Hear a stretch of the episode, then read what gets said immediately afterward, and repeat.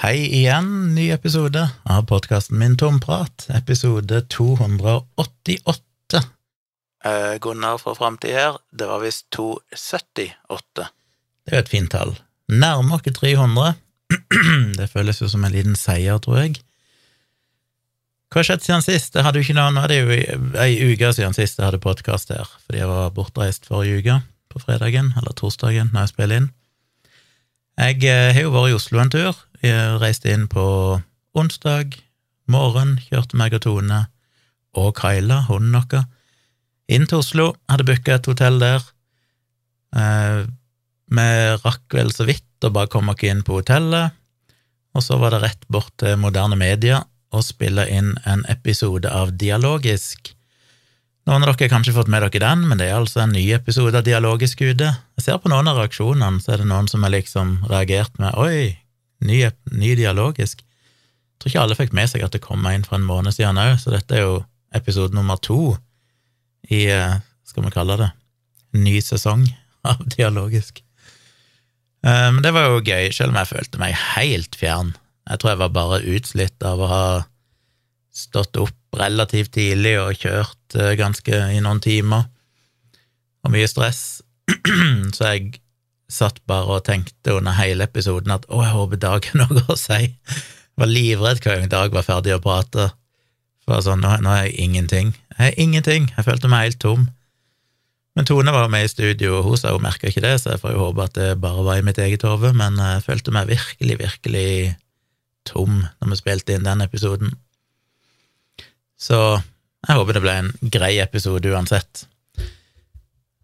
Um, etter jeg hadde spilt inn, så var det jo rett bort på uh, Arakataka, restauranten, og ta bilder.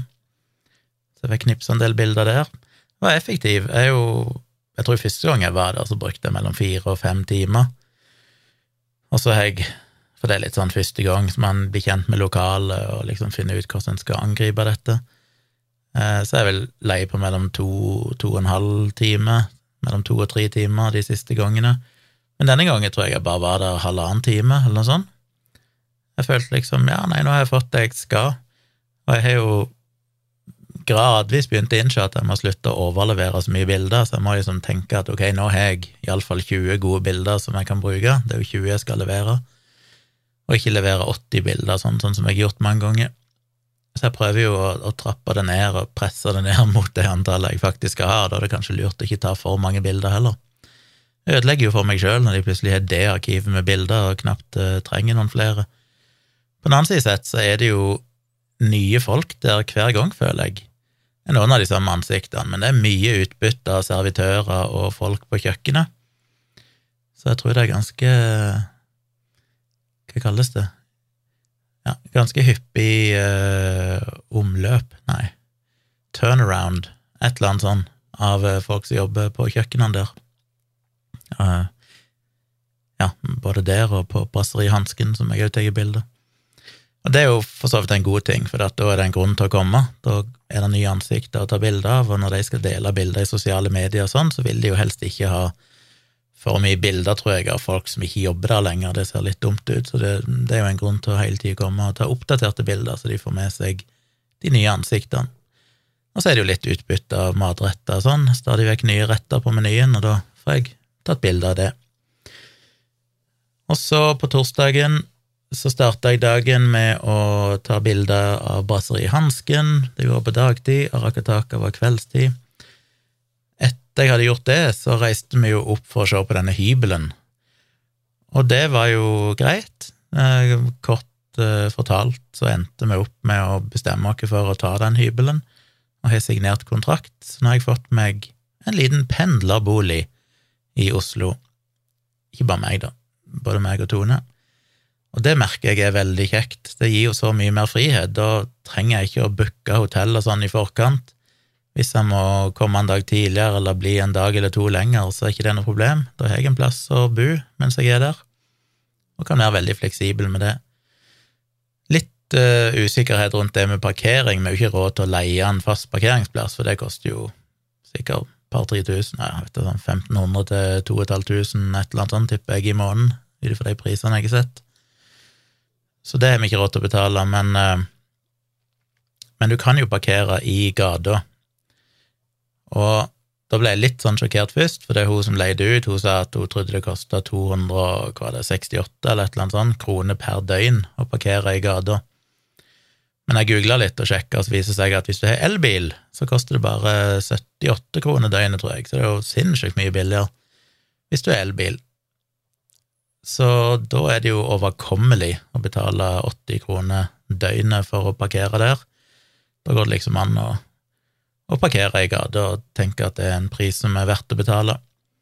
Det store problemet med å parkere i gata er jo at eh, en må jo parkere. For det første er en jo ikke garantert at det er ledig plass, men nå er det en del gater rundt i det området, så selv om en kanskje må parkere litt lenger vekk fra boligen eller hybelen, så, skal det nok la seg gjøre å finne en annen plass. Problemet er jo at mye av den gateparkeringa er lukeparkering, og jeg har aldri lukeparkert i hele mitt liv. Aldri hatt behov for det. Jeg har jo bodd på Tonstad mesteparten av tida jeg hadde lappen. Der trengte jeg jo aldri det. Hvis jeg var i byen, så trengte jeg aldri lukeparkere. I byen, da mener jeg Flekkefjord, eh, Stavanger, Kristiansand, et eller annet sånt. Så jeg har aldri trengt det, og jeg kan ikke, jeg vet jeg snakker om dette før med venner sånn, jeg kan aldri huske at jeg noensinne hadde lukeparkering mm, i kjøreopplæringa kan ikke huske at jeg noen gang har lukeparkert. Jeg tror han som hadde kjøreopplæring, glemte det, eller et eller annet sånt. Nå kan vel teknisk sett Teslaen lukeparkere sjøl, hvis han skjønner at her er det en parkeringsplass og, og sånn. Det har jeg heller aldri testa. Uh, sliter litt med å få han til å skjønne at det er parkeringsplass. Det tar litt ja, Det er bare av og en sjelden gang at det kommer opp som symbol der han sier at 'å ja, her er det parkering, skal jeg parkere for deg'. Men da har jeg aldri gjort det. Men uh, som regel gjør han ikke det, så jeg vet ikke hvor effektivt det er. Så det er jeg litt redd for. Må kanskje øve litt en plass. Det er klart det er jo veldig trygt å lukeparkere med Teslaen, fordi han har jo gode kamera hele veien rundt, og han viser jo i centimeter hvor langt du er ifra et eller annet på fram og bak, så det er jo nesten umulig å krasje i noen ting. Men allikevel, hvis du først begynner å rote deg inn i et eller annet, og, ikke, og, plutselig kommer feil, og må begynne å kjøre inn og ut og inn og ut, og så handler det vel kanskje mer om selvfølelsen, at en føler seg ganske dum. Så kanskje jeg må finne en plass å øve litt på lukeparkering, i smug et eller annet sted her, før jeg må plutselig gjøre det for fullt i Oslo, midt i Oslo. Ikke midt i Oslo, det er litt ut forbi. Så eh, ja, så det tror jeg var bra. Og jeg vet iallfall at de gangene jeg skal til Oslo alene, hvis ikke Tone er med, så kommer jeg så godt som alltid til å hoppe på en buss til byen, for jeg eh, Jeg tenker jo hver gang en lar være å kjøre, så er det én mindre sjanse å daue. Det er liksom min innstilling til det å kjøre bil, selv om jeg nå syns det er veldig komfortabelt å kjøre til Oslo, og det føles ikke som så langt som det gjorde i starten. Det går veldig greit å kjøre. Jeg syns til og med det er gøy, egentlig. Jeg syns det er litt sånn deilig. Men allikevel så tenker jeg jo bare at det er jo galskap å kjøre bil. Det å kjøre på en motorvei 110 og masse trafikk og det Ja, det er jo bokstavelig talt så er en jo nesten en hårsbredd fra døden hele tida. Skal så lite til, så jeg tenker jo Jeg må bare tenke statistisk sett så er det få som dør i trafikken, og det sjokkerer meg vanvittig. Jeg kan ikke fatte at ikke det dør hundrevis av mennesker hver dag. det en tenker på inkompetente Homo sapiens, apekatter som sitter bak rattet der og skal Ja, nei, det er jo galskap. Så det er all kred til menneskeheten for at vi ikke dauer oftere enn det vi gjør i bil. Men jeg ser iallfall på det som en slags risiko hver gang. Så får vi se med Tone om hun blir komfortabel med å ta buss eh, eller tog etter hvert. Foreløpig så har vi stort sett kjørt fordi at hun blir ganske dårlig når hun tar buss, eh, og så er det litt problematisk å ha med hunden og sånn. Så vi får se. Når jeg reiser alene, så blir det nok iallfall buss, og da slipper jeg å tenke på det parkeringsproblemet. Så vi har fått oss hybel. Det føles jo litt crazy, men uh, det er, som sagt, en, det var vel Selv om jeg visste størrelsen på den, så mm, føltes sånn mindre enn det jeg hadde tenkt. Uh, den er vel, jeg tror det var tolv kvadrat. Så du kommer inn, er jo akkurat plass til ei seng, og så har jeg bestilt de fra Ikea. Jeg bestilte en sånn en billig, vi har bare kjøpt sånn billige ting, bare et eller annet billig å ha der. Billig rammemadrass fra Ikea og en billig liten uh, skrivepult som jeg kan ha laptopen på og sitte og jobbe, og en billig enkel, liten eh, kontorstol. Det er stort sett det, og et par sånne bokser for å ha klær i og sånn, oppbevaringseske. Men det er jo veldig praktisk, både det at jeg slipper å bestille hotell og sånn, og det at jeg har den friheten og fleksibiliteten, men òg at jeg har en plass å ha ting. Da kan jeg jo i teorien ha noe kamerautstyr liggende der inne, hvis jeg vet det er noe jeg bruker ofte, som ikke jeg trenger å dra med meg, dra med meg fram og tilbake hver gang, og litt sånn. Så det, er veldig, veldig praktisk, og det er et veldig fint område, føler jeg. Jeg kjenner ikke så godt til det området sjøl, men eh, det er litt sånn Sagene, Grünerløkka-ish litt sånn midt imellom der, rett ved Akerselva. God eh, offentlig transportforbindelse, grøntområder, veldig trivelig, mye kafeer. Ja. Kunne nesten ikke blitt bedre. Men veldig, veldig trangt og smått, så det, det, jo, det er jo som det er.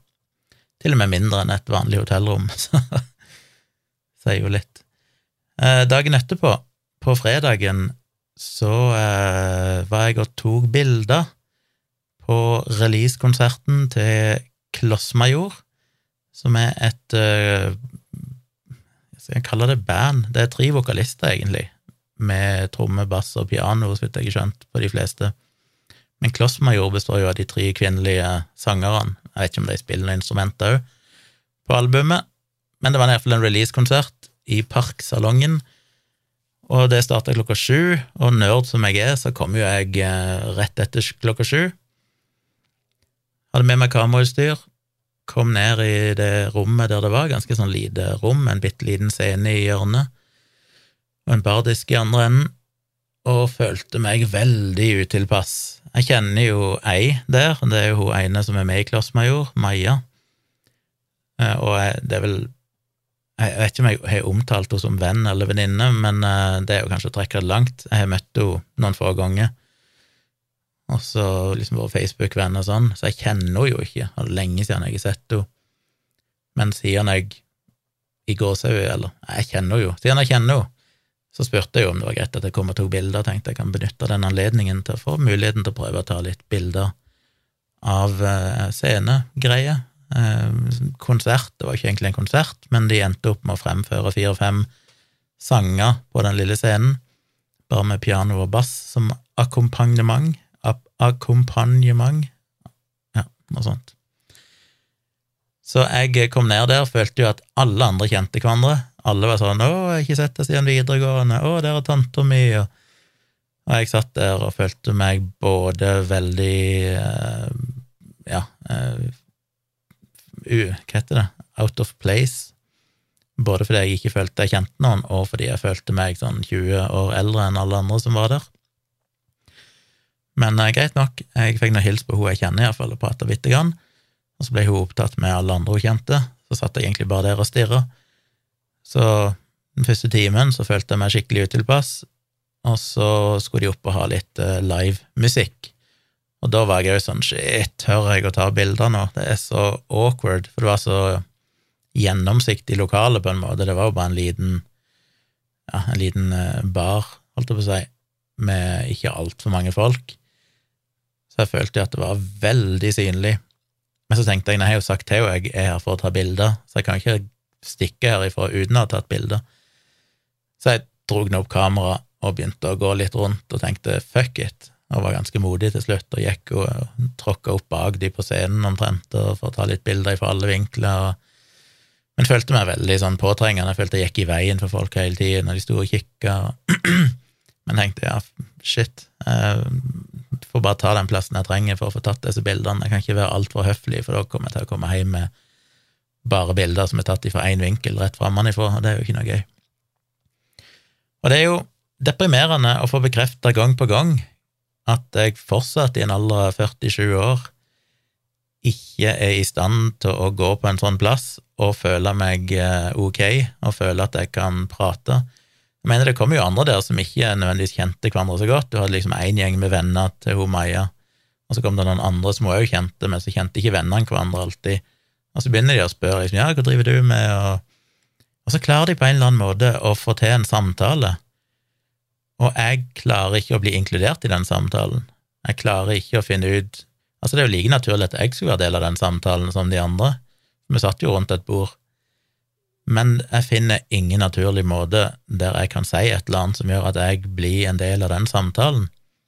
Så jeg ender jo bare opp med å sitte og lytte. Det er jo det jeg har gjort i 40-20 år av livet mitt når jeg er på fest. Det er å sitte og høre på andre prate og smile litt med når jeg ser de andre smile, um, og bare kontinuerlig tenke at uh, fuck, dette fungerer ikke.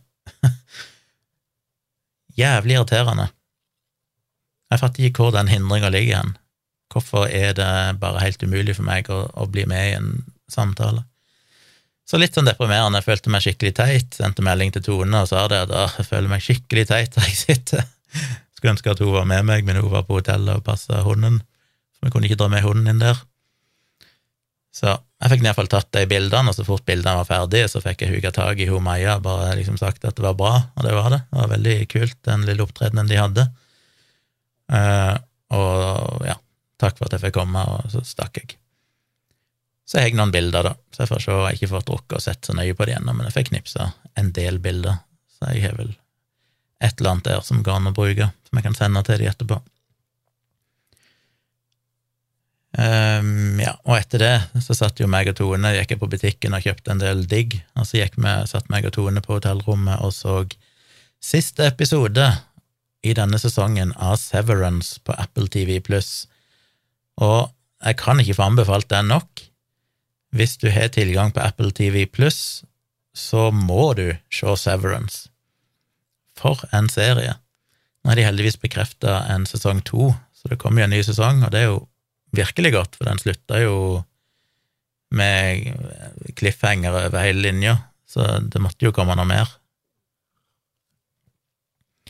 Men det er en serie du bare må se. Jeg tror jeg har sagt det før, men det er gi han opp. Første episode kommer folk til å like, for da, det, da blir du liksom tatt inn i dette merkelige universet, som er veldig sånn merkelig.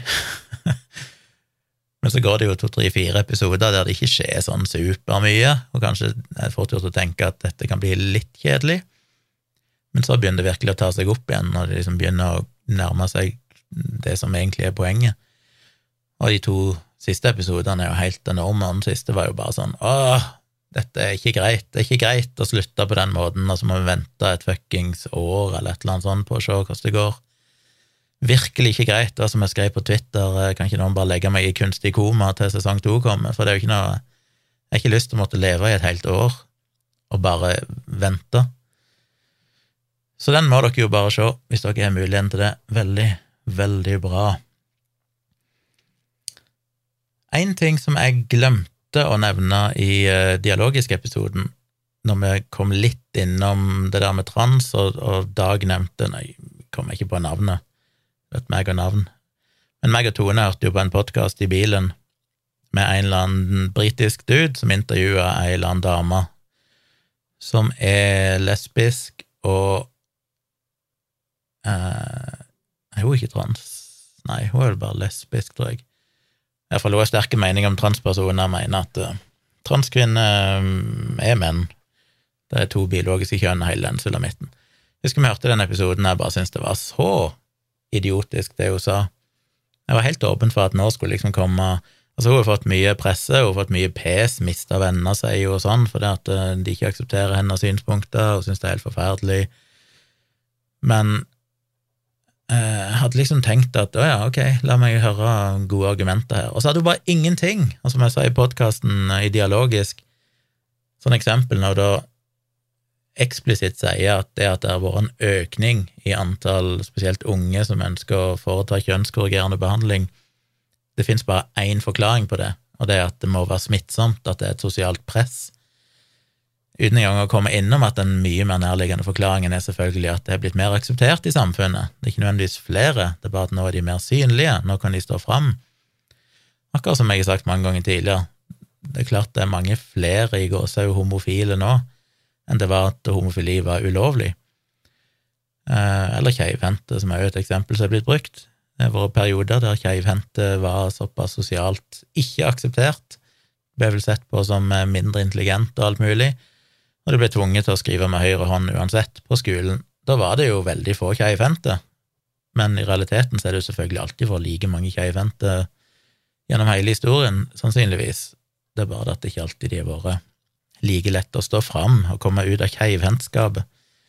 Så det er bare sånn at, de, at, det liksom ikke er en ting hun diskuterer i det hele tatt. Det gjør jo at jeg tenker at hun er jo ingenting å komme med. Uh, men så hadde hun en uh, ny episode, og Nei, så hadde hun et annet poeng som jeg glemte å nevne dialogisk, pluss at meg og Tone på vei hjem igjen fra Oslo hørte en ny episode med samme duden, som da intervjua ei som er, jeg tror hun var britisk, jeg husker ikke navnet på henne heller, hun har vært en del i media og sånn, men som sjøl da er transperson, altså hun ble født eh, mann og skifta kjønn til kvinne og foretatt full kjønnskorrigerende operasjoner og sånn, fjerna penis og gjort om til en vagina og alt det der. Og snakket en del om det, og det er jo selvfølgelig interessant, litt med hvor omfattende den operasjonen er, og hvilke problemer hun fikk i ettertid, og alt mulig sånn. Men hun er jo veldig Altså, hun er jo Hun er jo transkvinne, men mener fortsatt at hun egentlig er mann, og at alle transkvinner er menn, for det er bare to biologiske kjønn, og det kan du ikke endre på. Og hun hadde heller ikke noen spesielt gode argumenter, syns jeg. Det var interessant, mer interessant å høre på, for hun hadde tross alt noen personlige erfaringer og sånn. Men hun kom òg innom på samme måte som hun første. Begge to begynte å snakke om dette med at eh, på en måte latterliggjøre ideen om at noen skal kunne bestemme sjøl hvorfor et kjønn de vil være. At det ikke fins noe liksom, Det er bare opp til folk å si at ja, jeg vil være kvinne. Eh, så hvis jeg får et skjema der du skal fylle ut med en helseerklæring eller et eller annet sånn, og du skal velge kjønn, så kan du krysse av på det du vil, det er helt opp til deg. Og det mener jo begge de to, at det er liksom for enkelt. Det er jo ikke sånn det burde fungere. Problemet med det argumentet er jo at du kan, så fort, som jeg gjerne snakket om tidligere, bruke homofilitesten, fordi det å være homofil er jo teknisk sett òg bare noe du har bestemt deg for.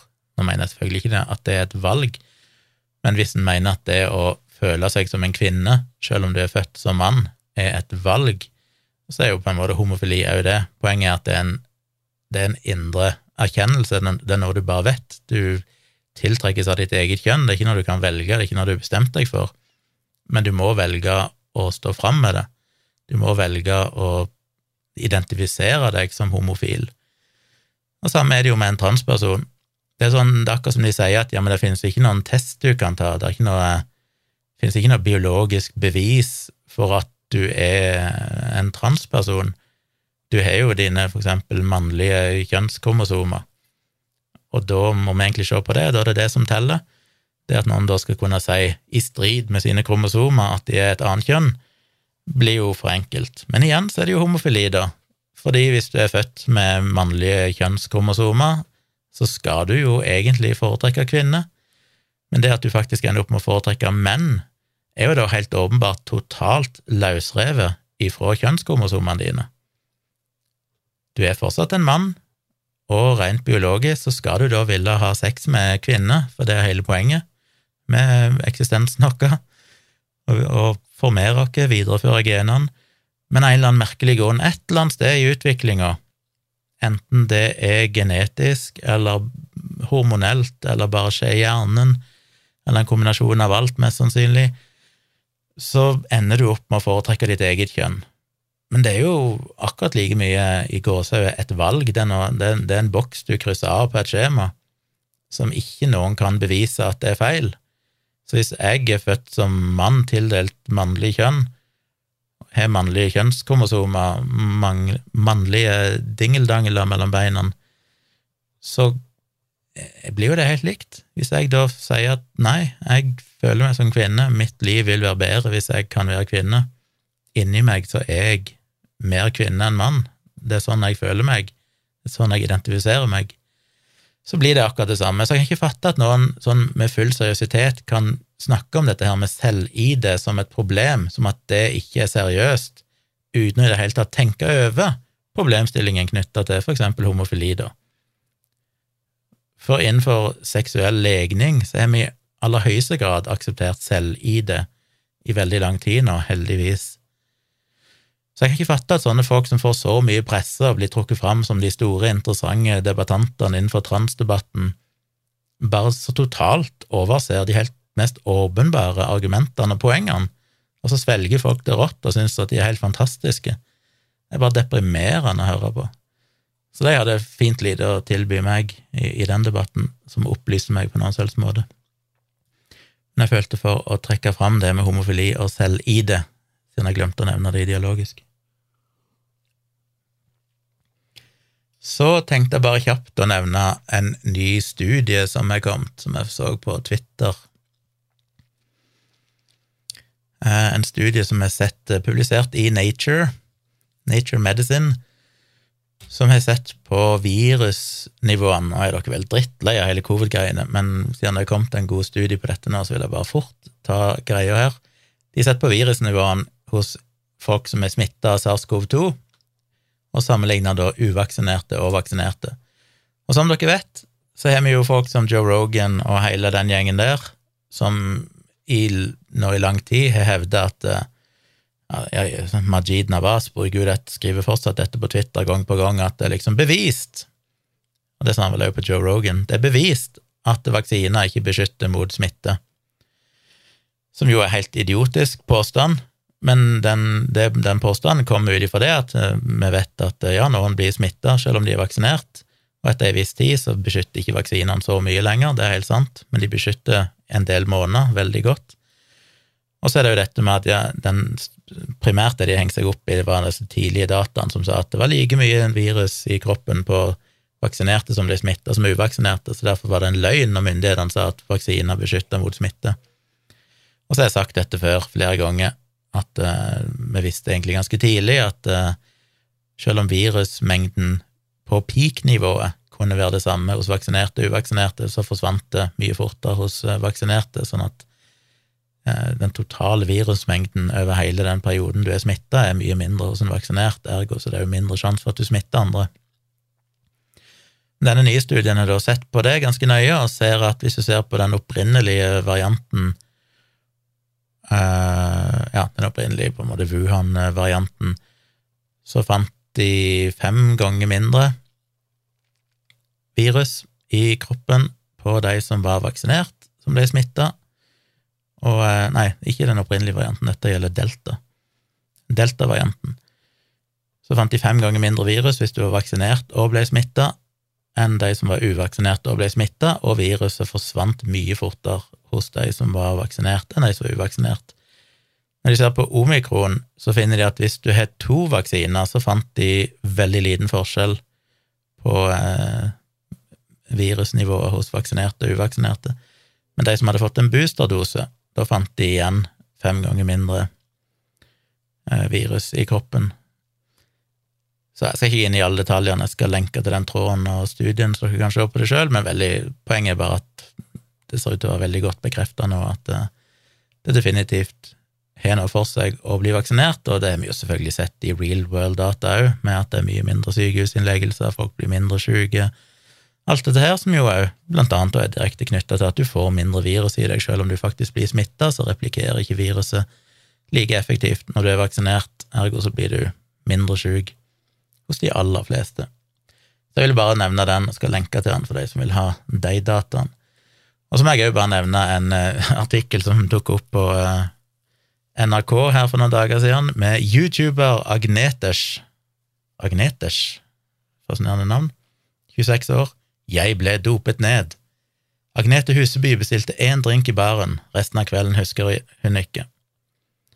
Så sier jo jeg har drukket alkohol i åtte år og har aldri oppført meg slik, sier Huseby. Det startet som en jentekveld, men endte med at alt gikk i svart. Youtuberen mener noen puttet noe i drinken hennes, så at hun ble dopet ned på et utested i Oslo. Hva som skjedde resten av kvelden, husker hun ikke. Ifølge venninnene mine begynner jeg å kysse med en tilfeldig mann, noe jeg aldri pleier å gjøre, forteller hun til NRK. Da baren stengte en og en halv time senere, inviterte Huseby alle venninnene hjem på nachspiel, bare det i seg selv ville jeg aldri gjort, jeg syns jo ikke nachspiel er noe gøy, innrømmer hun. Da Huseby våknet dagen etterpå, husket hun ingenting. Jeg vet at jeg var helt fjern og hadde ingen sammenhengende setninger, jeg ringte til en venninne og sa at jeg ikke visste hvor jeg var, at jeg skulle ta taxi hjem fra en annen venninne, for jeg trodde jeg var et annet sted, men jeg var bare hjemme. Ja, og så videre. Eh, hun har nok eh, drukket litt mye. Den korte forklaringen her er vel egentlig at alkohol is a hell of a drug. når du først eh, får i deg litt for mye. Jeg reagerer jo på dette, fordi jeg blogga om dette for en del år tilbake og så litt på forskningen som var gjort, for jeg begynte å bli litt lei av at alle hevda at de, det var veldig populært å hevde at de hadde blitt dopa på byen. Men det henger liksom ikke helt på greip. Nå må jeg først si at ja, selvfølgelig så er det vel tilfeller der det har skjedd, men som politiet og folk på sykehus sier, i stort sett alle tilfeller eh, Jeg husker når jeg skrev den bloggposten for noen år siden, så var det vel aldri funnet et eneste tilfelle der de faktisk fant spor av noe som helst eh, ja, kjemikalie, eh, rusmiddel utenom alkohol i kroppen deres, som ikke var tilsikta. Så det handler jo egentlig bare om at folk overvurderer hvor godt de takler alkohol, og nå har vi jo hatt en pandemi, og det var lenge siden folk var ute, og så går de på byen og fester, og så drikker de litt for mye, driter seg skikkelig ut, begynner å kline med fremmede menn og alt mulig sånn, og så skylder de på at de ble dopa ned. Og det gir jo egentlig ingen mening. Nå var jo hun dessverre ikke lur nok til å gå og få testa seg og sjekke. Nå vet jeg at en del av de der eh, GHB og sånne ting som ofte blir brukt, forsvinner, brytes veldig fort ned og kan være vanskelig å spore når det har gått litt tid. Men det er jo påfallende at en aldri finner noen ting. Jeg husker det var ei som jeg hadde som Facebook-venn eller på Twitter eller et eller annet sånt for noen år siden, som hevda det samme, at hun hadde blitt dopa ned på byen, og lagde et stort nummer ut av det. Selvfølgelig fant de ingenting når de testa blodet hennes heller, annet enn alkohol. Og det som er så rart for meg, er sånn, men hva, hva er greia. Altså, det, det, er jo ingen som putter en pille i glasset ditt og så bare stikker av. Det er jo ikke ikke noe poeng i det. Det er så påfallende at disse folkene hevder de blir dopa, men det er jo ingen som oppsøker de. Det er ingen som prøver å gjøre noe med de. Så hvorfor i all verden skulle de dopa de ned? Det er helt meningsløst, den ideen om at det springer folk rundt på byen og bare putter piller i glassene til folk, også uten, å, uten at det skal ha noen hensikt. Hadde hun blitt dårlig og så var det en eller annen fyr som prøvde å dra henne inn på do eller ut, eller et eller annet sånt, ja, da hadde jeg kanskje vært mer truende til at her er det noen med, med skitne hensikter, men det hører du jo stort sett aldri i disse historiene. Og igjen, jeg sier ikke at det aldri skjer, men i de aller fleste tilfellene så handler dette om alkohol, og det er provoserende, fordi, og det sier de jo egentlig uten at de kan si det sånn rett ut, men når de snakker med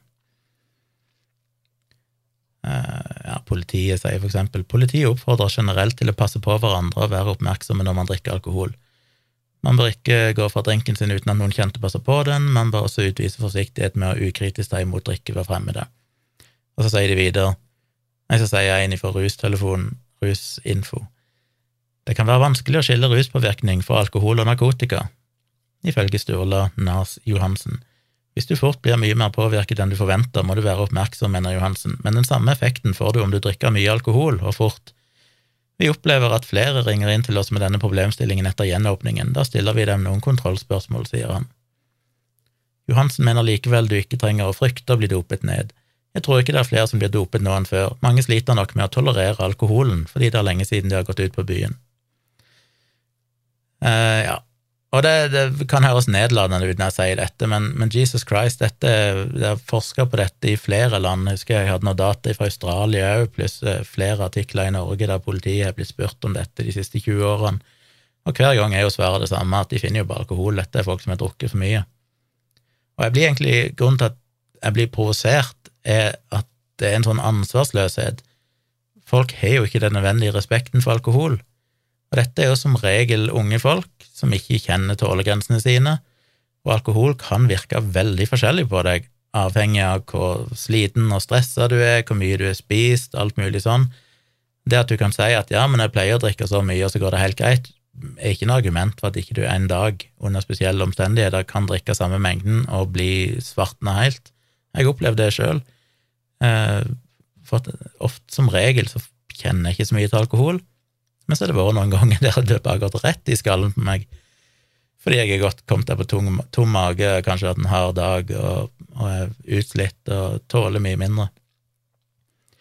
Så jeg syntes det bare var så pinlig på hennes vegne å gå ut i avisen på denne måten og hevde at hun er blitt dopa ned. For jeg er 98% sikker på at hun ikke ble dopa ned. Hun drakk for mye, enkelt og greit. Og det er jo litt sånn rart at Hvorfor skulle de ha dopa henne på en måte som gjorde at hun bare ble veldig begynte å flørte med en fremmed mann og inviterte folk på nachspiel. Det er sånn eh, Jeg tror ikke det er det som er hensikten med å dope ned noen. Da har de i så fall brukt et veldig rart rusmiddel. Det rusmiddelet som som i regel gjør at folk mister hemningene og begynner å kline med folk og invitere til fest, er jo alkohol. Det er jo ingen av disse eh, såkalte voldtektsdopene har vel den effekten. De handler vel mer om å, å sløve deg og gjøre deg mindre bevisst, ikke at du plutselig blir partyløve. Så pinlig, og nesten på grense til at det, det er litt sånn Burde NRK ha skrevet den saken? Burde de ha beskyttet henne mot seg sjøl? Men hun blir vel kanskje sett på som Hun er jo YouTuber, tross alt, så da tenker de kanskje at hun får tåle den eksponeringa. Jeg fikk en mail òg ifra den godeste Erik, og jeg skal lese hva han skriver. Erik Arnesen skriver Du har snakket litt om e-sigaretter tidligere. En ofte brukt påstand er at det er 95% tryggere enn sigaretter, et tall jeg ikke vet hvor kommer fra. Du har kanskje fått med deg denne nye rapporten fra australske helsemyndigheter, hvor de konkluderer blant annet med at det er overbevisende evidens for at e-sigaretter kan føre til lungeskader, forbundet med THC, samt forgiftninger, noe evidens for økt puls og blodtrykk osv., men stort sett ser det ut til at det er utilstrekkelig evidens for det meste. Likevel konkluderer de vel med at risikoen overveier fordelene. Tror du dette kommer til å påvirke ditt eget forbruk eller politiske implikasjoner? Og det er en fryktelig lang rapport på 300 sider eller et eller annet, så jeg har jo på ingen selvs måte lest eh, alle detaljene. Jeg har lest eh, oppsummeringene og introen og sånn, og så har jeg lest diskusjonsdelen og konklusjonen, og skumma litt gjennom det jeg så, og lest et par artikler som har tatt for seg eh, denne nye rapporten. Og jeg har noen tanker om det, selv om jeg tipper jeg nok kommer til å besøke det på nytt etter hvert som litt andre folk, flinke folk, får sett litt mer kritisk og komme sine synspunkter. Men det første å si er jo at pressedekninga av den altså Det ser ut til å være en, godt gjennomført metaanalyse, en systematisk gjennomgang, altså der de har offentliggjort kriteriene for hvilken type studier de vil inkludere på forhånd, sånn at ikke de kan drive og ikke bias spille inn i hvilke studier de velger å inkludere og ekskludere. Og jeg bruker mye tid på å beskrive akkurat hvilke studier som ble tatt med, og sånn, så det er jo veldig veldig grundig rapport, der alt er beskrevet i minste detalj. Og så eh, har de sett på summen av de, og sett på forskjellige helsekonsekvenser og sånn. Når det gjelder helse, så finner de jo veldig, veldig lite. Det de trekker fram hele tida, og nå må jeg jo finne igjen denne studien og scrolla meg ned til side 293, eller var ikke det? Der konklusjonen eh, sånn cirka var. Skal vi se Nei, det var ikke så langt. Det var 273, var det vel. Ja. Det de sier jo, er at uh, There is conclusive evidence that nicotine e-cigarettes and their constituents can cause poisoning, injuries, and burns, and immediate toxicity through inhalation, including seizures, and moderate evidence they cause less serious adverse events, such, such as throat irritation and nausea. Så allerede der så er det jo litt sånn Ja, de finner mye evidens som er overbevisende om at du kan oppleve forgiftning, du kan brenne deg, ja, og du kan bli svimmel, du kan bli eh, kvalm hvis du får Men alt dette her er jo sånn konsekvenser av at du får i deg sannsynligvis nikotin, og mye av det er jo knytta til barn da, som finner nikotinblandinger eller finner e-juice hjemme hos foreldrene sine og drikker det og sånn. Ingenting av dette er spesielt relevant. Ja, det er selvfølgelig eksempler på at eh, e-sigaretter har eksplodert, at batteriene har eksplodert, eller begynt å brenne i lommene til folk og sånne ting, som fører til injuries and burns, men igjen, alt dette her som de finner god evidens for, er jo ikke relevant for liksom, helsekonsekvensene egentlig av å røyke det. Eh, noen har jo opplevd eh, når de sier seizures, altså hva er det, sånn krampanfall, og at de kan bli irritert i halsen eller føle seg kvalme. Det er det selvfølgelig noen som kan. Spørsmålet er jo da hvor mye røyker du? Røyker du veldig, veldig mye? Eh, kanskje det har en konsekvens. Jeg ser at noen av sakene er jo knytta til folk som har en kjent historikk med allergi knytta til sånne ting. Så det er vanskelig å si om det er så relevant. Et, uh, det som er mer interessant, er selvfølgelig har det effekt på hjerte-karsykdom, har det en effekt på kreft, og har det en effekt på lungeskade. Når det gjelder hjerte-karsykdom og kreft, så finnes det ikke noe evidens for det ennå. Og det er jo det de oppsummerer med òg, egentlig, at det finnes generelt sett veldig lite evidens for noen ting av dette. Så den sånn store konklusjonen i denne rapporten er jo at vi vet for lite. Og det er jo Det kan en jo si er et problem, selvfølgelig. Selvfølgelig er det et problem. Selvfølgelig vil vi ha mer data og vite mer. Men de har sagt det i veldig mange år. Det har blitt forska ganske mye på dette. Vi har hatt e-sigaretter i rundt 20 år nå på markedet. Generelt sett så skulle en tro at etter 20 års eh, bruk, der det nok har vært mye utbredt kanskje de siste ti årene, så ville en ha sett noe ganske konkret hvis det var et eller annet her. Eh, den store tingen som alle snakker om, det var jo for noen år siden, det var i 2018, 2019 eller sånt, når vi hadde noen dødsfall, primært i USA, knytta til bruk av e-sigaretter, det de kaller for eh, Ja, hva kaller de for det? Det er en sånn akutt lungesykdom som er forkorta til EVALI, E-V-A-L-I, jeg husker ikke hva den står for. Men der skriver de at there is conclusive evidence that e-cigarettes cause acute lung injury, EVALI, largely linked to e-liquids containing THC and vitamin E acetate, although around one in eight cases in the largest study to date were from reported use of nicotine-only products.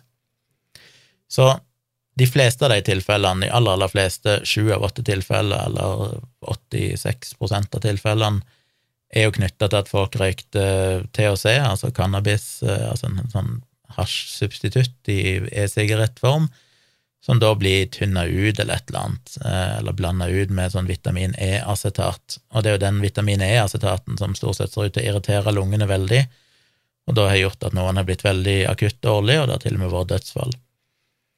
Men så sier de her da at én av åtte tilfeller i den største rapporten var knytta til folk som ikke eh, røykte THC med E-vitamin, acetat. Det var bare vanlig nikotin.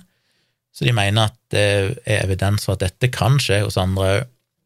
Og det har ikke jeg hatt muligheten til å grave meg nok ned i og se hva det egentlig som ligger bak. Men jeg så på noen av tallene, og det var vel snakk om i største studien, så fant de 270 eller 280 eller noen sånne tilfeller der folk hadde havna på sykehus i USA på grunnlag av eh, Som da visstnok bare skulle ha røykt nikotinholdig e-sigarett. Og da er jo spørsmålet hvor, hvor stor er den risikoen? Det høres jo veldig liten ut. 300 av eh, sannsynligvis millioner av mennesker som røyker e-sigarett daglig, og har gjort det lenge. Så det er jo det jeg sitter litt igjen med med denne rapporten, er at denne rapporten dokumenterer Hva skal en kalle det? Eh, den dokumenterer skadeeffekter. Den sier vi har evidens for at eh, A, B, C og D kan skje, dette er skadelige ting. Det de ikke sier noe om, er jo det vi kaller for risiko. Hva betyr dette i praksis? Hva er risikoen? Det er jo det samme som med alt, mobilstråling, alle sånne ting som det alltid er diskutert. Eh, ja, du kan si at et eller annet stoff er kreftfremkallende. Du kan ha sterk evidens for at dette stoffet fremkaller kreft, men det sier jo ikke noe om dette stoffet egentlig er et stort problem, for det kan jo være at det, det, er, en, det er god evidens at det gir kreft, men det gir kreft veldig sjeldent, eller folk flest er veldig sjelden i kontakt med det, eller det er bare under spesielle omstendigheter det faktisk gir kreft. Så det er jo den der harm versus risk-debatten, at det er lett å dokumentere harm, eller ikke lett, men det er én ting å dokumentere harm, altså hvor, hvor farlig noe er, men det er noe helt annet å estimere den faktiske risikoen. Og det er det jeg føler at denne her rapporten den sier bare at vi har evident for at sånn og sånn og sånn kan skje, men så sier han ingenting om den egentlige risikoen. Men er dette en risiko? Vi vet jo at hvis du kjører bil, så kan du dø av det, vi vet at hvis du sykler, kan du dø av det, men betyr det at vi bare fraråder folk å sykle? Og akkurat sykkelargumentet er jo litt relevant, for det store spørsmålet er jo hvis en sier at det er farlig å sykle fordi så og så mange mennesker blir skadd eller drept i, på sykkel hvert år, derfor bør du heller kjøre bil, så er spørsmålet om hva er da risikoen med å kjøre bil, og hva er risikoen med å ikke få den mosjonen som sykkel medfører? Kan effektene av å ikke sykle være mye verre? Som egentlig er dette her falske nullpunktet som jeg alltid snakker om. Eh, og det er jo relevant her, for alternativet her er jo to ting. Det er jo enten at du ikke røyker noen ting, eller at du røyker vanlig tobakk. Og det er jo egentlig det mest interessante med denne rapporten, det er jo det at de sier at de finner sterk evidens for at det å røyke e-sigaretter faktisk fører til at flere begynner å røyke enn hvis de aldri hadde røykt e-sigaretter. Og det er jo bekymringsverdig. Det er jo ikke en ønskelig greie. Nå er jeg allikevel vil jeg være litt kritisk, for jeg har sett andre rapporter, jeg har fulgt med litt på dette her og sett eh, eh britiske helsemyndigheter og sånn snakke om det samme, og de har kommet til en annen konklusjon, at det ser ut til å være en ganske kortvarig forbigående effekt, så vi får se hva den trenden egentlig er. Vil e-sigaretter gjøre at flere unge spesielt da, faktisk begynner å røyke sigaretter? Der vet jeg ikke om jeg har gode nok data ennå til å kunne si at dette er en trend utover den sånn umiddelbare sexy-nesten av å prøve noe nytt og, og hipt. Eh, men de mener å ha god evidens for det, og det er i så fall bekymringsverdig, og det er jo den viktigste sånn samfunns... Eller viktigste konklusjonen på sånn samfunns-folkehelsenivå. Eh, det er jo at hvis det ser ut til at e-sigaretter fører til at mange begynner å røyke tobakk, så bør jo det kanskje ha konsekvenser for hvordan det er regulert. Men så er det vanskelig, det òg, for det er litt sånn Ok, nå vet jeg ikke hvordan det er i andre land, men hvis du tar Norge som eksempel, da, i Norge er det jo fortsatt ikke lov å kjøpe e-sigaretter som inneholder nikotin. Og da er det klart at du sitter i helt annet, eh, en helt annen situasjon, for hvis da noen prøver e-sigaretter eh, med nikotin, eller la oss si de prøver uten nikotin, og så tenker de oi, dette er jo godt, men de får jo ikke den effekten av det uten nikotin, så det vil jo fort gjøre at de da kan finne ut at for å få nikotin, så må jeg heller kjøpe sigaretter. Eller det er folk som har prøvd med nikotin, for eksempel fordi de vil slutte å røyke, eller folk som ikke har røykt i det hele tatt og prøver det, men så er det jævlig tungvint å få tak på e-sigaretter med nikotin, for da må du importere ifra utlandet, og det koster mye penger i toll og alt dette her, og det er tungvint, må vente lenge og sånn. Og det er klart, Da er det jo mye mye lettere å stikke på bensinstasjonen og kjøpe seg en 20-pakning med Malvo heller enn å gå inn på nettet, bestille et eller annet, vente i to uker, måtte tollbehandle det, betale for å hente det på posten, og så endelig få det hjem. I tillegg til at du må sette deg inn i hva du i all verden du skal bestille for noe, og hvordan det fungerer, og hva som er godt og ikke. Og...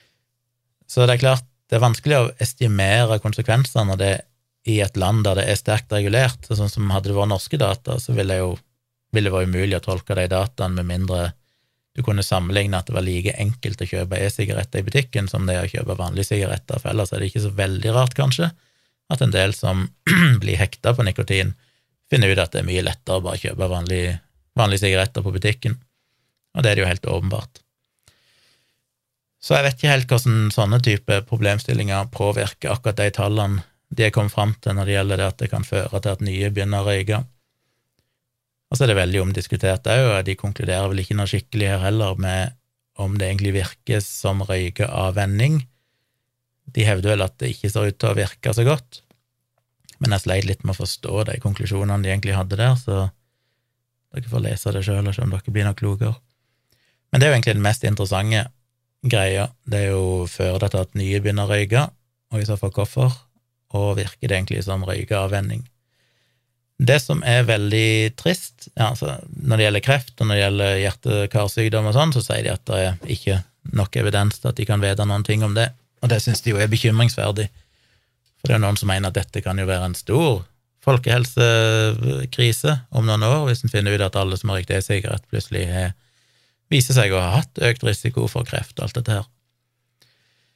Det som er veldig synd, er jo Jeg syns det er veldig bra at de gjør en sånn rapport. Jeg føler vel da at det store problemet er at de peker på skadevirkninger og ikke risiko, som gjør at mange vil feiltolke konklusjonene her. Um, og så sier eh, Erik han spør jo om dette her, hvor kommer de fra dette her med at det er 95 tryggere enn sigaretter. Jeg skal lenke til en uh, kort YouTube-video som varer i fire, knapt fire minutter, der en, en dude fra Australia, for dette er jo en australsk rapport, men tilbake i 2019 så var det jo en australsk uh, dude i noen sånn forening som prøver å redusere skadevirkninger fra tobakk, sånn antirøykekampanje, som snakket litt om det, liksom, er det, stemmer dette med at det er 95% tryggere? Og han mener jo at det er det, og viser da til flere store tidligere sånne metaanalyser og reviews som er gjort, som finner at det er mye tryggere. Eh, mest sannsynlig, sier han, så er det jo mindre enn 1% så farlig å røyke e-sigarett som å røyke vanlig tobakk. Nå er, jo, nå er jo det ting han sa basert på tidligere analyser, og ikke disse, denne nyeste, som sannsynligvis er nyere data. Men i denne nye analysen her så sier de jo ingenting om Altså, den, den, motstrider jo ikke dette med at det kan være 95 tryggere enn sigaretter, for det estimerer de jo ikke i denne rapporten. Igjen, for de snakker ikke om risiko, de snakker kun om konkrete skade, skadelige effekter som kan påvises hos enkelte. Så den, denne nye rapporten her, selv om den er veldig sånn negativ til e-sigaretter, så sier jo ikke den i strid med at det er muligens er 95 tryggere enn sigaretter fortsatt. Det de er redd for her, er jo bare at det skal være helseeffekter vi ikke vet om ennå, som dukker opp, og de vil ikke gå god for ideen om at det er helt trygt å røyke e-sigaretter, fordi de mener å ha funnet noe. Når jeg leser dette, så er det lite. Altså, som de sagt, de fleste tingene de fant, det er jo ting som er helt irrelevante for meg. Eh, mest bekymringsverdige er jo denne evalie, altså akutte lungeskadene, som de mener har funnet noen veldig få tilfeller av, som har skjedd hos folk som da røyker vanlige nikotinbaserte produkter klarer ikke helt å bekymre meg over det, gitt at jeg vet så mange millioner mennesker røyker e-sigaretter, og dette har ikke vært noe stor bølge, pluss at det ser ut til at tallene sunker de siste årene. Det var liksom en peak i 2018-2019 i USA, eller fram til 2020, kanskje, eh, når vi så en del om det i media, og så har det gått veldig mye ned igjen. Gudene vet hvorfor. Kanskje fordi folk slutta å kjøpe den THC-baserte, eller enkle typer THC med vitamin E-acetat som så ut til å forårsake disse. Så det ser ikke ut til å være sånn at uh, det er jo ikke en, en doserespons. Det er ikke sånn at jo flere som røyker e-sigaretter, for jeg vil anta at det er flere som røyker e-sigaretter nå enn det var for to år siden. Allikevel er ikke antall tilfeller økt. Tvert imot. Så det er jo heller ikke så bekymringsverdig. Uh, så det, det er den ene, ene bekymringen, at det skal kunne ha konsekvenser for lungene.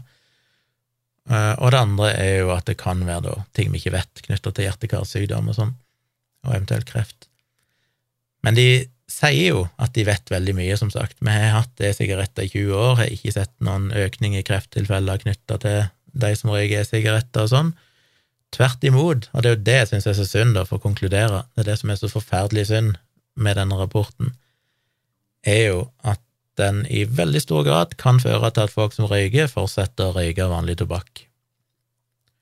Og det så vi jo dessverre etter disse lungeskadetilfellene i USA, at det skapte jo et inntrykk hos folk at e-sigaretter er farlige, at det rett og slett er tryggere å bare røyke vanlig tobakk, selv om de vet at det òg er farlig. I realiteten så er det jo fortsatt sannsynligvis minst 95% tryggere, og det sier han jo i den videoen òg, at uh, det er jo massivt med data på at når folk switcher ifra tobakk til e-sigaretter, så ser du en nesten umiddelbar bedring i lungehelse, du ser en bedring i blodtrykk, du ser en bedring på så mange fronter, og folk rapporterer jo det sjøl, at de føler seg jo så mye bedre når de slutter med tobakksrøyking og går over til e-sigaretter. Og så er det helt klart at e-sigaretter på ingen slags måte er 100% trygt.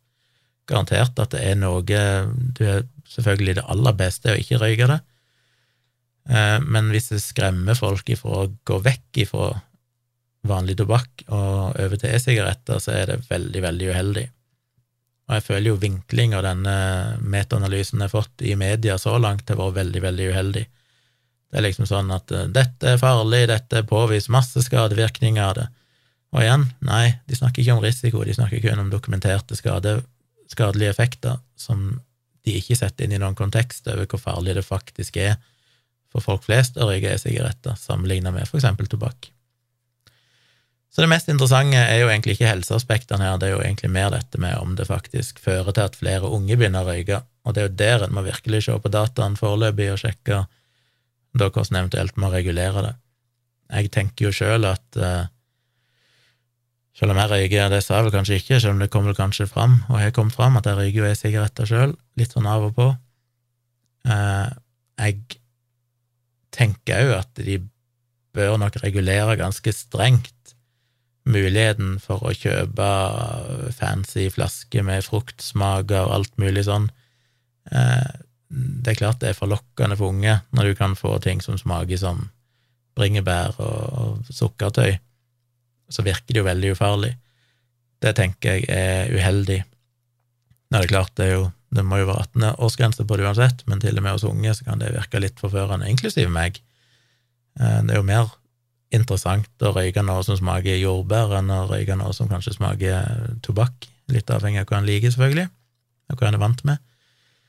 Men jeg ser jo det, litt som med snusbokser og sigarettesker som har blitt uh, eh, laga i brune, grønnbrune, ekle farger og uten noe fancy logo og sånne ting, så bør en kanskje tenke i samme bane med sigaretter, at de bør ikke selges på en måte som ser veldig fascinerende, deilig, herlig ut og når jeg bestiller fra England, som jeg stort sett gjør, så kommer det jo flotte bokser med bilder av bær og juicy og fresh og alt er sånn veldig forførende.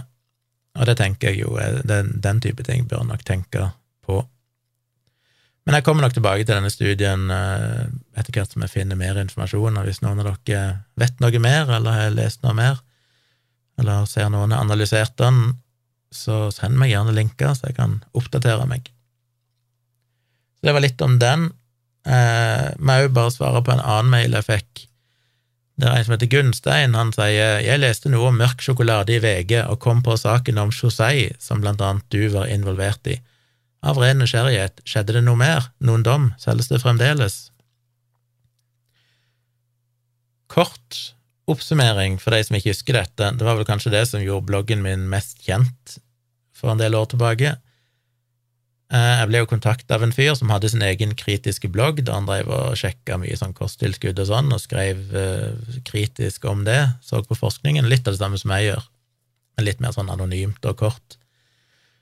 Han sendte meg plutselig mail en dag og sa at han hadde blitt kontakta av noen som heter Sjokoladeservice Norge, hvis jeg ikke husker feil, som er litt sånn eh, pyramideaktig, eller sånn multilevel marketing, som driver og selger det de kalte for helsesjokoladen Chosei, eller XOCAI, som skulle være så veldig sunn, en sånn liten mørk sjokoladebit du skulle spise hver dag, som hadde masse helseeffekter.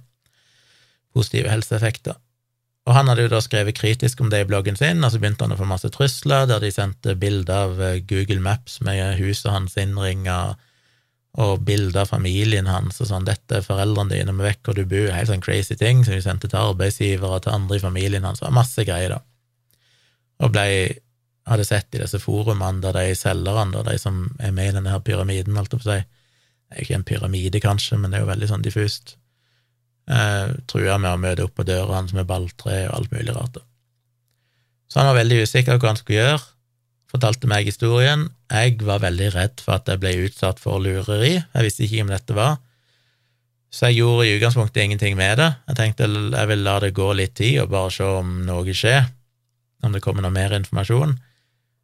Og så husker jeg ikke helt historikken i det nå, men i hvert fall på et eller annet tidspunkt så tenkte jeg at nå har det gått så lang tid, eh, og jeg tror han endte opp med å fjerne det, så fikk jeg vel en ny mail der han sa at nå hadde han fjerna de to, var det vel, to eller tre bloggpostene sine.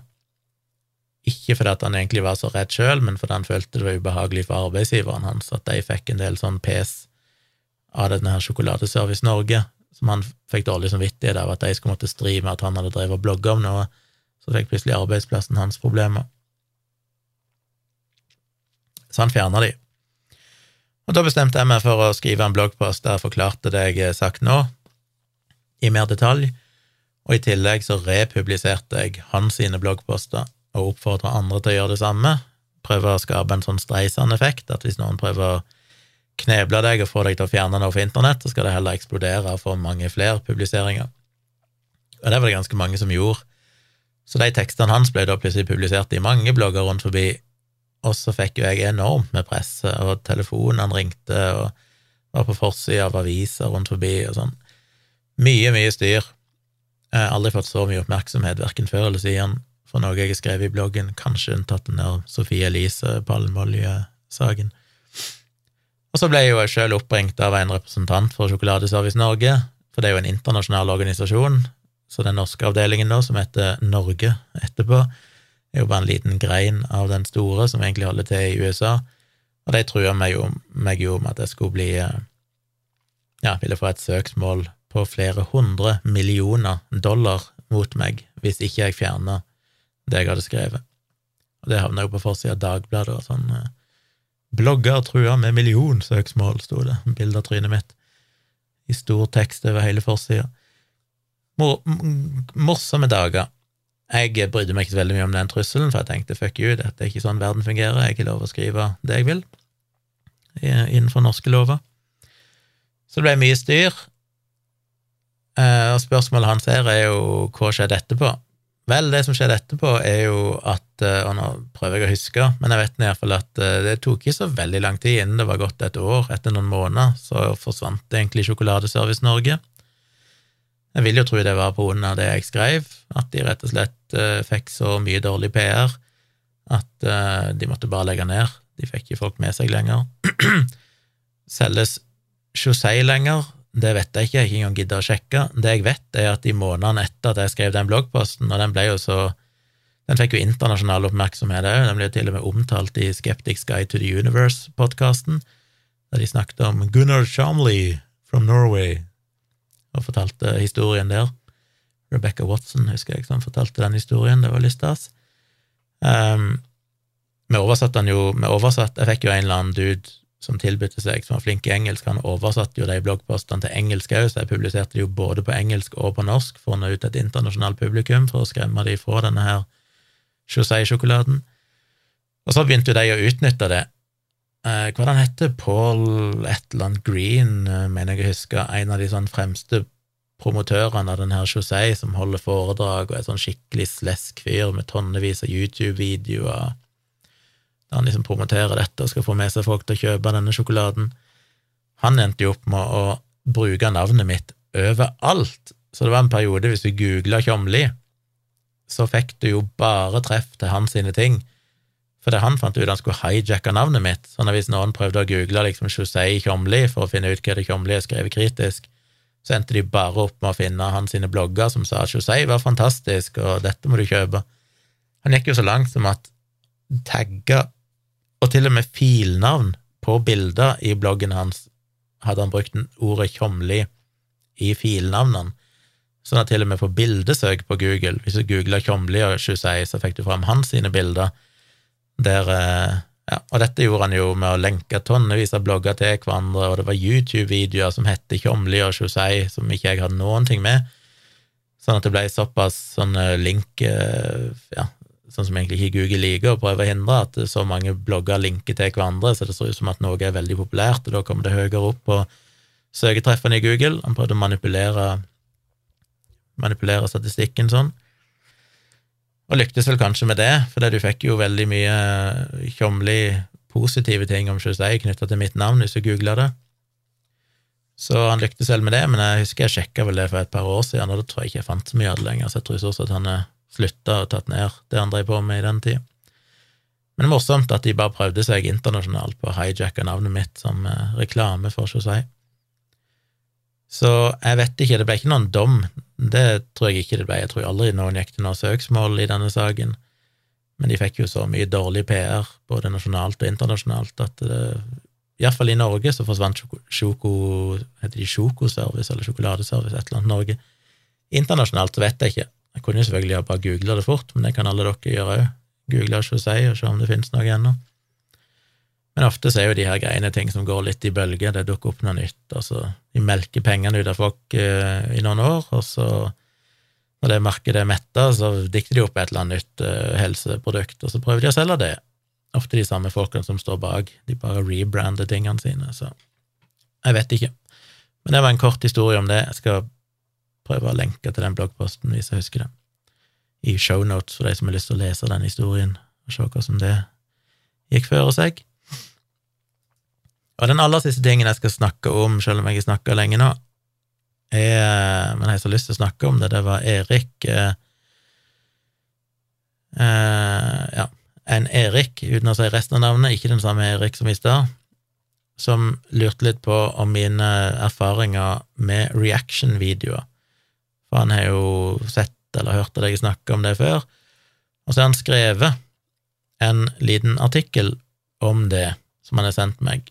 Som en veldig bra artikkel, og interessant, eh, to og en halv side på engelsk, om nettopp The Appeal of Reaction Videos.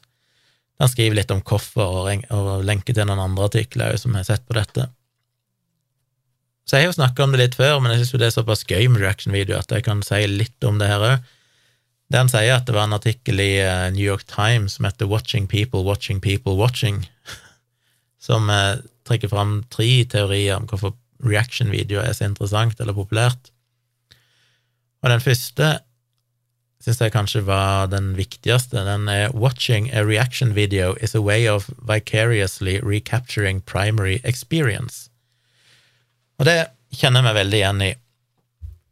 Det aller meste av reaction-videoer jeg ser, er jo musikk, altså folk som reacter til sanger.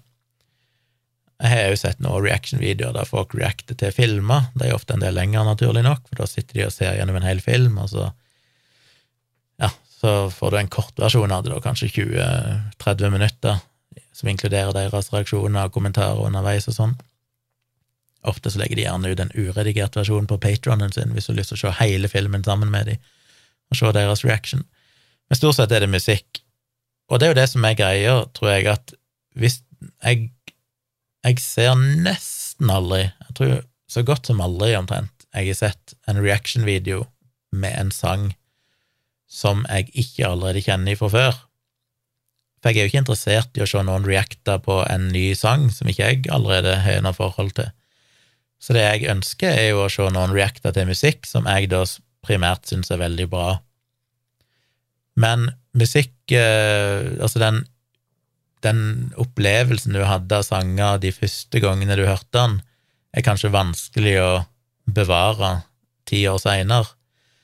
Så det de sier her, er at det å se noen andre reacte til en sang for første gang, det hjelper deg til å få tilbake igjen litt av den følelsen av første gang du hørte sangen. I mitt tilfelle så er det sjelden første gang, for jeg pleier som regel ikke å like sanger veldig godt første gang, jeg må som regel høre de noen ganger men en av de første gangene. Eller iallfall noen av de første gangene. Og det kjenner jeg meg veldig igjen i. Videre så sier de They allow us to experience, at a time of increasing cultural difference, the comforting universality of human nature. Det tror jeg òg det er noe i.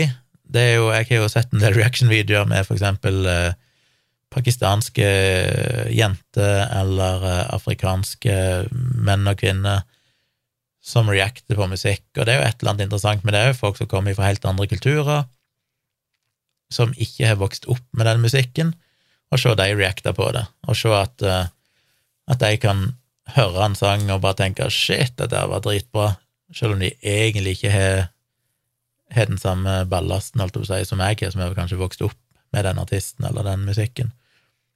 Og det er jo veldig kult, syns jeg, og veldig interessant. Uh, jeg så nettopp nå en eller annen, jeg vet ikke helt hvor han er fra, men uh, han er afrikansk. Snakker ganske gebrokkent engelsk, jeg vil anta at han sannsynligvis bor i Afrika et eller annet sted, et eller annet land. Som har ganske så mange followers på YouTube, jeg husker ikke navnet hans. Men han reacta til Aurora, og han hadde jo lagd hundrevis av reaction-videoer, men syntes jo da, når han hørte Runaway med Aurora, at det var nok den beste sangen han hadde hørt noen gang, eh, eller reacta til noen gang. Og jeg elsker jo å se Aurora reactions, og det er et punkt de ikke er med i den lista her, er vel kanskje en form for stolthet eller nasjonalfølelse. Det er en av de få gangene jeg liksom føler at hm, stolt av uh, kry av at dette er en norsk artist. Det er når at folk reacter på Sigrid og, og Aurora. Primært det, de det har vært mest av der ute, på YouTuben. Og da blir jeg så glad. Og hver gang jeg ser reaction-videoer på Aurora, så bare tenker jeg for et unikt vesen. Hun er bare helt unik.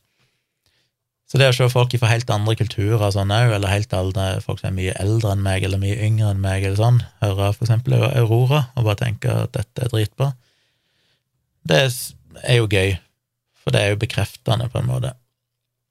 Og det skriver han Erik om òg, at han er litt flau av å innrømme det, men at det handler mye òg om å, å føle en form for bekreftelse, at du ser andre like samme musikken som du liker. Og det er nok noe i det òg.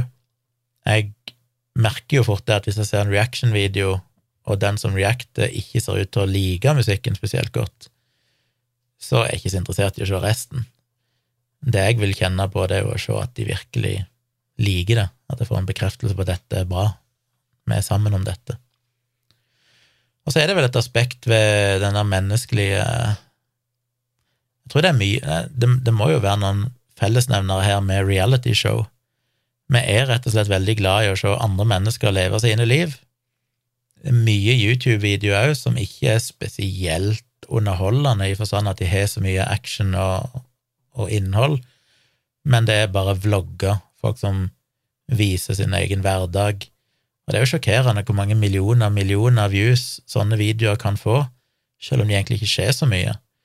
Fordi det er et eller annet betryggende og behagelig med å bare se andre folk har sine liv, og ofte så kan de være mye mindre ja, Det varierer jo, men jeg føler på YouTube så får du ofte et mindre sånn glansbilde enn det du kanskje gjør på Instagram og sånn, hvor folk bare skal vise de beste bildene og vise hvor lykkelige og spennende og hvor mye de reiser og hvor god mat de spiser. Vlogger på YouTube kan ofte være litt mer prega av at folk viser sitt virkelige jeg i større grad, og det er fint å se på. Og vi liker reality, for det at selv om reality selvfølgelig er Mye av reality er jo på ingen slags måte realitet, det er jo skripter, og det er klipper, selvfølgelig, for å, gjøre det spennende og sånn, så er det jo fortsatt noen menneskelige reaksjoner der inne. Til og med når du ser en ting som Kompani Lauritzen, det, det vi liker med Kompani Lauritzen, er jo å se folk eh, ha det vondt, eh, vise glede, overkomme sin egen frykt. Ting vi kan kjenne noe igjen i. Og det er mye av det samme med reaction-videoer. Det, denne delte felles opplevelsen. Og jeg Det skriver han Erik her òg, at han òg kjenner så mye følelser når han ser reaction-videoer, og det gjør jo jeg òg. Jeg sitter jo nesten alltid med liksom tårer i øynene og klump i halsen fordi jeg blir så rørt, og det går vel litt til dette her med å, å recapture the primary experience, dette her med å Det er sanger som jeg kanskje ikke hadde gidda å satt på på Spotify eller et eller annet sånt for å høre, bare for å høre det. Men det å se reaction-videoversjonen av sangen kan være enormt sterkt og få meg til å bare digge sangen så mye mer enn de som bare hadde hørt den uten noe kontekst. Um, ja, jeg skal ikke, skal ikke gå gjennom alt han skriver her, men, men ja, jeg um, jeg skal kanskje da lenke til den New York Times-artikkelen, kanskje. Jeg har ikke lest den sjøl, jeg har bare lest hans uh, rapport om det. Han er lenka til noen andre artikler som handler om hvorfor reaction-videoer er så populære. Jeg synes det var litt interessant ja, den definisjonen på Wikipedia hva en reaction-video var. De definerer det som A reaction video is a video in which people react to something. som jo er spot on. Jeg burde Ofte så spør folk hvem er dine favorittkanaler på reaction-videoer. Jeg husker jo aldri. For det er sjelden jeg abonnerer på dem. Det er mer sånn at jeg har sett et par videoer, så bare dukker de opp i feeden min, og så husker jeg ikke helt hvem de er. Så jeg kan ikke komme med noen spesielle anbefalinger. Og jeg oppdager stadig vekk nye folk òg. Ofte så er det jo sånn at hvis du ser en reaction-video med noen som reacter på Aurora, så dukker det gjerne opp andre under som er det samme, og så ser jeg deg, og så så danner det seg et lite mønster der. Så det jeg liker å se, er jo gjerne sånn norske artister, for å se hvordan folk i andre land reacter på det, hva de, hva de syns om det. Og som regel så vil jeg jo ha genuine reaksjoner. Det er jo sikkert folk som er fake, men jeg føler at de jeg ser på, er genuine, for det er de fleste av de sier ifra hvis de oppdager at 'å ja, nei, denne sangen har jeg faktisk hørt før', etter at de har hørt 10-20 eh, sekunder av den så, så, sier de det, og da mister det umiddelbart litt av interessen for meg. Det er sånn, jeg vil ha den, den virkelig genuine reaksjonen deres på første gang, første gangs gjennomhøring. Hvis det viser seg at de har hørt sangen før, selv om de sier at ikke de husker så mye av den, eller det er lenge siden, og sånn, så, så mister det litt interessen min. Og så er det jo interessant hvor mange av de som reacter da, gjerne er svarte amerikanere, gjerne litt, ja, ikke bare unge. Du har jo de her eh, uh, Hva de kaller seg? Lost in Vegas? Nei. Et eller annet to svarte amerikanere som bor i Las Vegas, som er blitt veldig populære. Og de er veldig dyktige. Men de kommer jo da, som de fleste svarte gjør, for en mer sånn hiphop-rapp-bakgrunn. Og det er jo, det kan virke veldig rart når de sier at de ikke har hørt eh, Madonna, de ikke har hørt Bruce Springsteen, de ikke har hørt uh, Til og med Britney Spears kan, de, kan, det være de ikke har hørt. Så tenker en, går det an? Kan du ha levd noen plass uten å ha hørt noen av det, noen av de sangene før? Men det virker jo å være reelt, og i noen, noen videoer så forklarer de ofte Det er jo to unge gutter som jeg heller ikke husker hva heter, men som fikk en del medieoppmerksomhet for et års tid siden, og eksploderte litt på YouTube. To skikkelig sånn uh, hiphopere som ganske unge, to brødre, som sitter og reacter. Og de òg sier jo det, det er mange som lurer på hvordan det går an at de ikke hørte de sangene før. Men de ble jo adoptert av bestemora si ganske tidlig. Det er jo ganske vanlig at folk vokser opp kanskje uten en far, eller kanskje uten foreldre, eller at de blir oppdratt i en eller annen storfamilie av besteforeldre. Så er det ofte fattige kår, eh, folk sitter i fengsel eller sliter med narkotika eller bare er fattige. Det er mange av de som har en, en litt annerledes oppvekst enn det vi har hatt. Og så er det ofte veldig religiøse miljøer. Sånn som de to de vokste opp med bestemor si. Det eneste de hørte av musikk, var det som ble spilt i kirka. Det var ikke noe radio på, de hadde ikke noe TV. Det eneste de kan av musikk, det var det som ble spilt i kirka, og når de var ute med venner, så var det jo bare folk som spilte hiphop på et eller annet lydanlegg. Det var alt de visste. Så for dem er det jo genuint når de sier de ikke har hørt uh, en eller annen sang som alle tenker at alle må ha hørt denne, så har de faktisk ikke hørt den. Så det, jo, det gir jo dem en unik tilnærming som det er vanskelig å finne, for det er klart det er vanskelig å kunne reacte på virkelig store hiter som en tenker at alle må ha hørt, så du må jo, for, for de fleste av oss vil det være nesten umulig, med mindre du reacter på en helt ny sang som akkurat er kommet ut. Men det å reacte på liksom Hit Me Baby One More Time av Britney Spears er jo vanskelig for noen av oss, for vi har hørt den så mange ganger. Så du må som regel ha vokst opp under litt sånn spesielle forhold, litt isolert, for å virkelig kunne reacte på de sangene. Så det er jo òg interessant. Um, noen av de har jo er det jo sånn at ja, sånn som de der Lost in Vegas, eller hva det heter, de skriver jo i tittelen på sangen hvis det er reaction, hvis de ikke har hørt den før, og hvis det viser seg at de har hørt sangen før, så kaller de det for en review. For da er det mer at de hører sangen, og så bare kommenterer de den og, analyserer den. Og så er det jo mye forskjellig. Det er jo noen Jeg syns jo det er gøy å se For eksempel når jeg ser folk reacte på Aurora, så kan det være spesielt gøy å se sånn voice coaches og sånn, altså folk som er profesjonelle sanglærere. Eh, sitter og analyserer måten hun synger på og sånn, for alle blir jo like mindblown hver gang de hører Aurora. Eller så, hvis det er noen som reacter på Snarky Puppy eller Dirty Loops, som er veldig sånn musikermusikk, veldig sånn teknisk flinkt, så er det som ofte gøyest å se folk som faktisk er musikere sjøl, sånn som drummer reacting to, eller composer reacting to, syns jeg er gøyest, for de har forutsetninger for å forstå hvor bra dette er. En vanlig person vil ofte ikke nødvendigvis skjønne hvor ekstremt teknisk krevende den musikken er. Så det kommer litt an på hvilken musikk jeg vil høre, hvem jeg ønsker skal reacte på den. Eh, og så varierer det jo veldig. Det er jo noen som stopper sangen hvert tiende sekund for å kommentere, som jeg syns kan bli litt mye. Så er det andre som hører sangen uavbrutt og bare viser i ansiktsuttrykk og sånn hvordan de reacter, og så eventuelt kommer med en analyse på slutten. Og så er det jo de som kanskje er litt sånn midt imellom, da, som stopper sangen et par ganger for å komme med et eller annet. Men det er klart, det gøyeste er jo de som virkelig er eksplosive. Som jeg ikke er. Jeg hadde jo vært veldig dårlig til å reacte på sånn, for jeg sitter jo bare med steinansiktet mitt og lytter, så kunne jeg sikkert kommet med en eller annen uh, musikalsk faglig analyse på slutten. Men jeg er jo ikke en person som viser med hele kroppen min ansikt og hva jeg føler. Og det er jo noe som appellerer til meg, da, siden jeg ikke er sånn sjøl, så syns jeg jo det er desto mer gøy å se andre mennesker i YouTube-videoer som bare tar helt av når de hører Lingus og Snarky Puppy eller en eller annen uh, Workshit Out av Dirty Loops eller et eller annet av Aurora. Murder 54321 live på Nobelkonserten av Aurora, for eksempel. Den er jo alltid en vinner. Og så hadde jeg jo en periode jeg så så så mye på reaction-videoer av Rage Against the Machine med Bulls on Parade og mest kjente sangene der, at jeg nesten ikke orker å høre de sangene lenger. jeg ble helt ødelagt av det. Men det var så gøy å se hiphopere reacta til dette, og nesten alle var sånn han begynte å synge eller rappe, så stoppa de sånn Hæ? Rapper han? ikke dette rockemusikk? Kan du rappe når det er rock?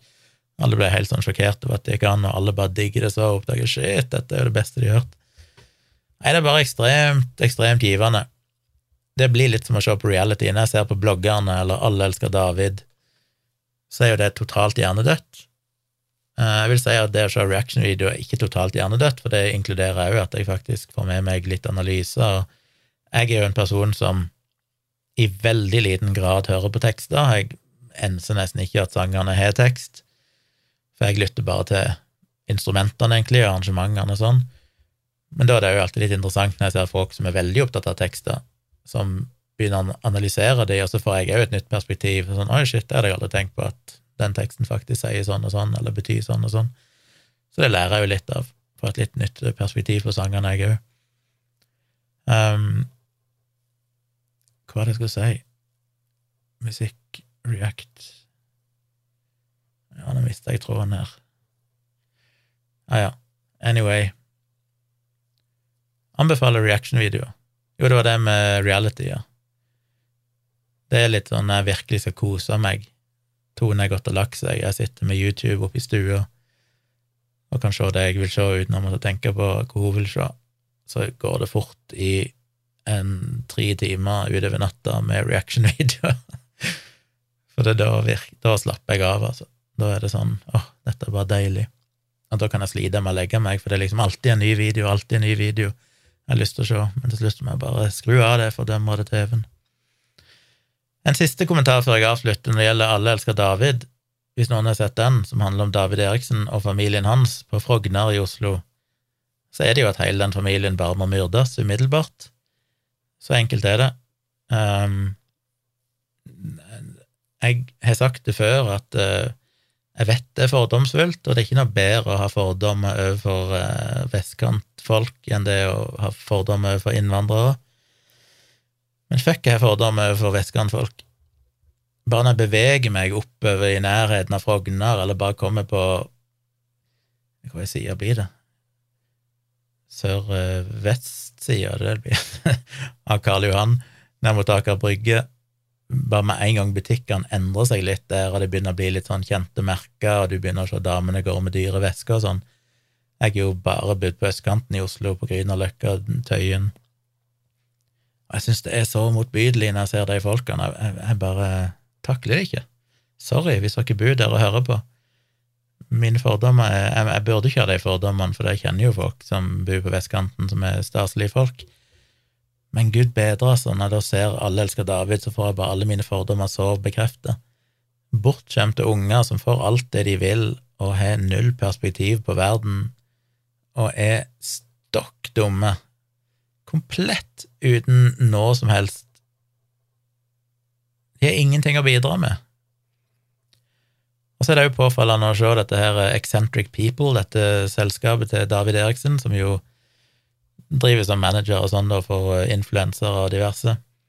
Det er jo litt påfallende å, å bare minne seg sjøl på at mange av de her eh, bloggerne og influenserne du ser, som gjerne prøver å virke som at de driver for seg sjøl, det er jo det inntrykket vi ofte har. Det er litt sånn Voe og Sofie Elise og en del av de som var tidlig ute Eh, gjorde jo mye det. De starta for seg sjøl, sånn som jeg òg gjorde med bloggen min. Vi var liksom en egen person som skrev for moro skyld, og egentlig ikke tjente noe penger kanskje i starten.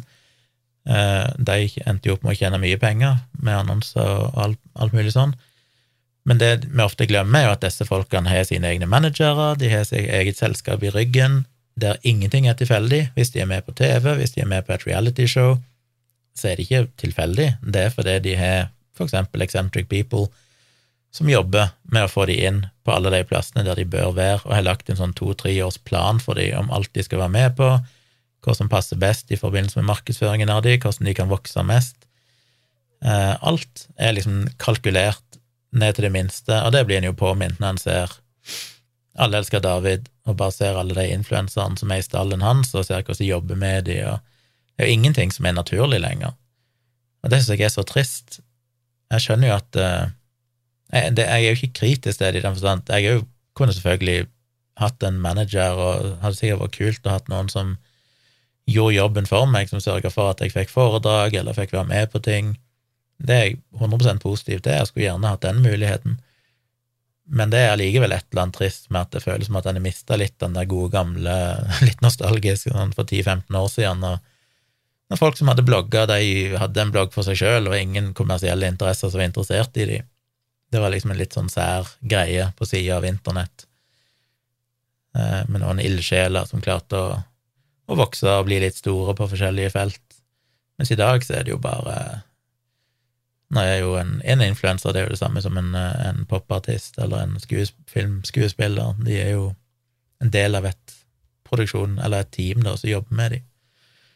Så det er jo litt sånn interessant å bare se den sida. Men gud, for noen grusomme folk. Selv om jeg digger David Eriksen, egentlig. Jeg digger han helt siden 90-tallet, rent sånn musikalsk. Syns han var dritkul. Gjorde mye bra musikalsk.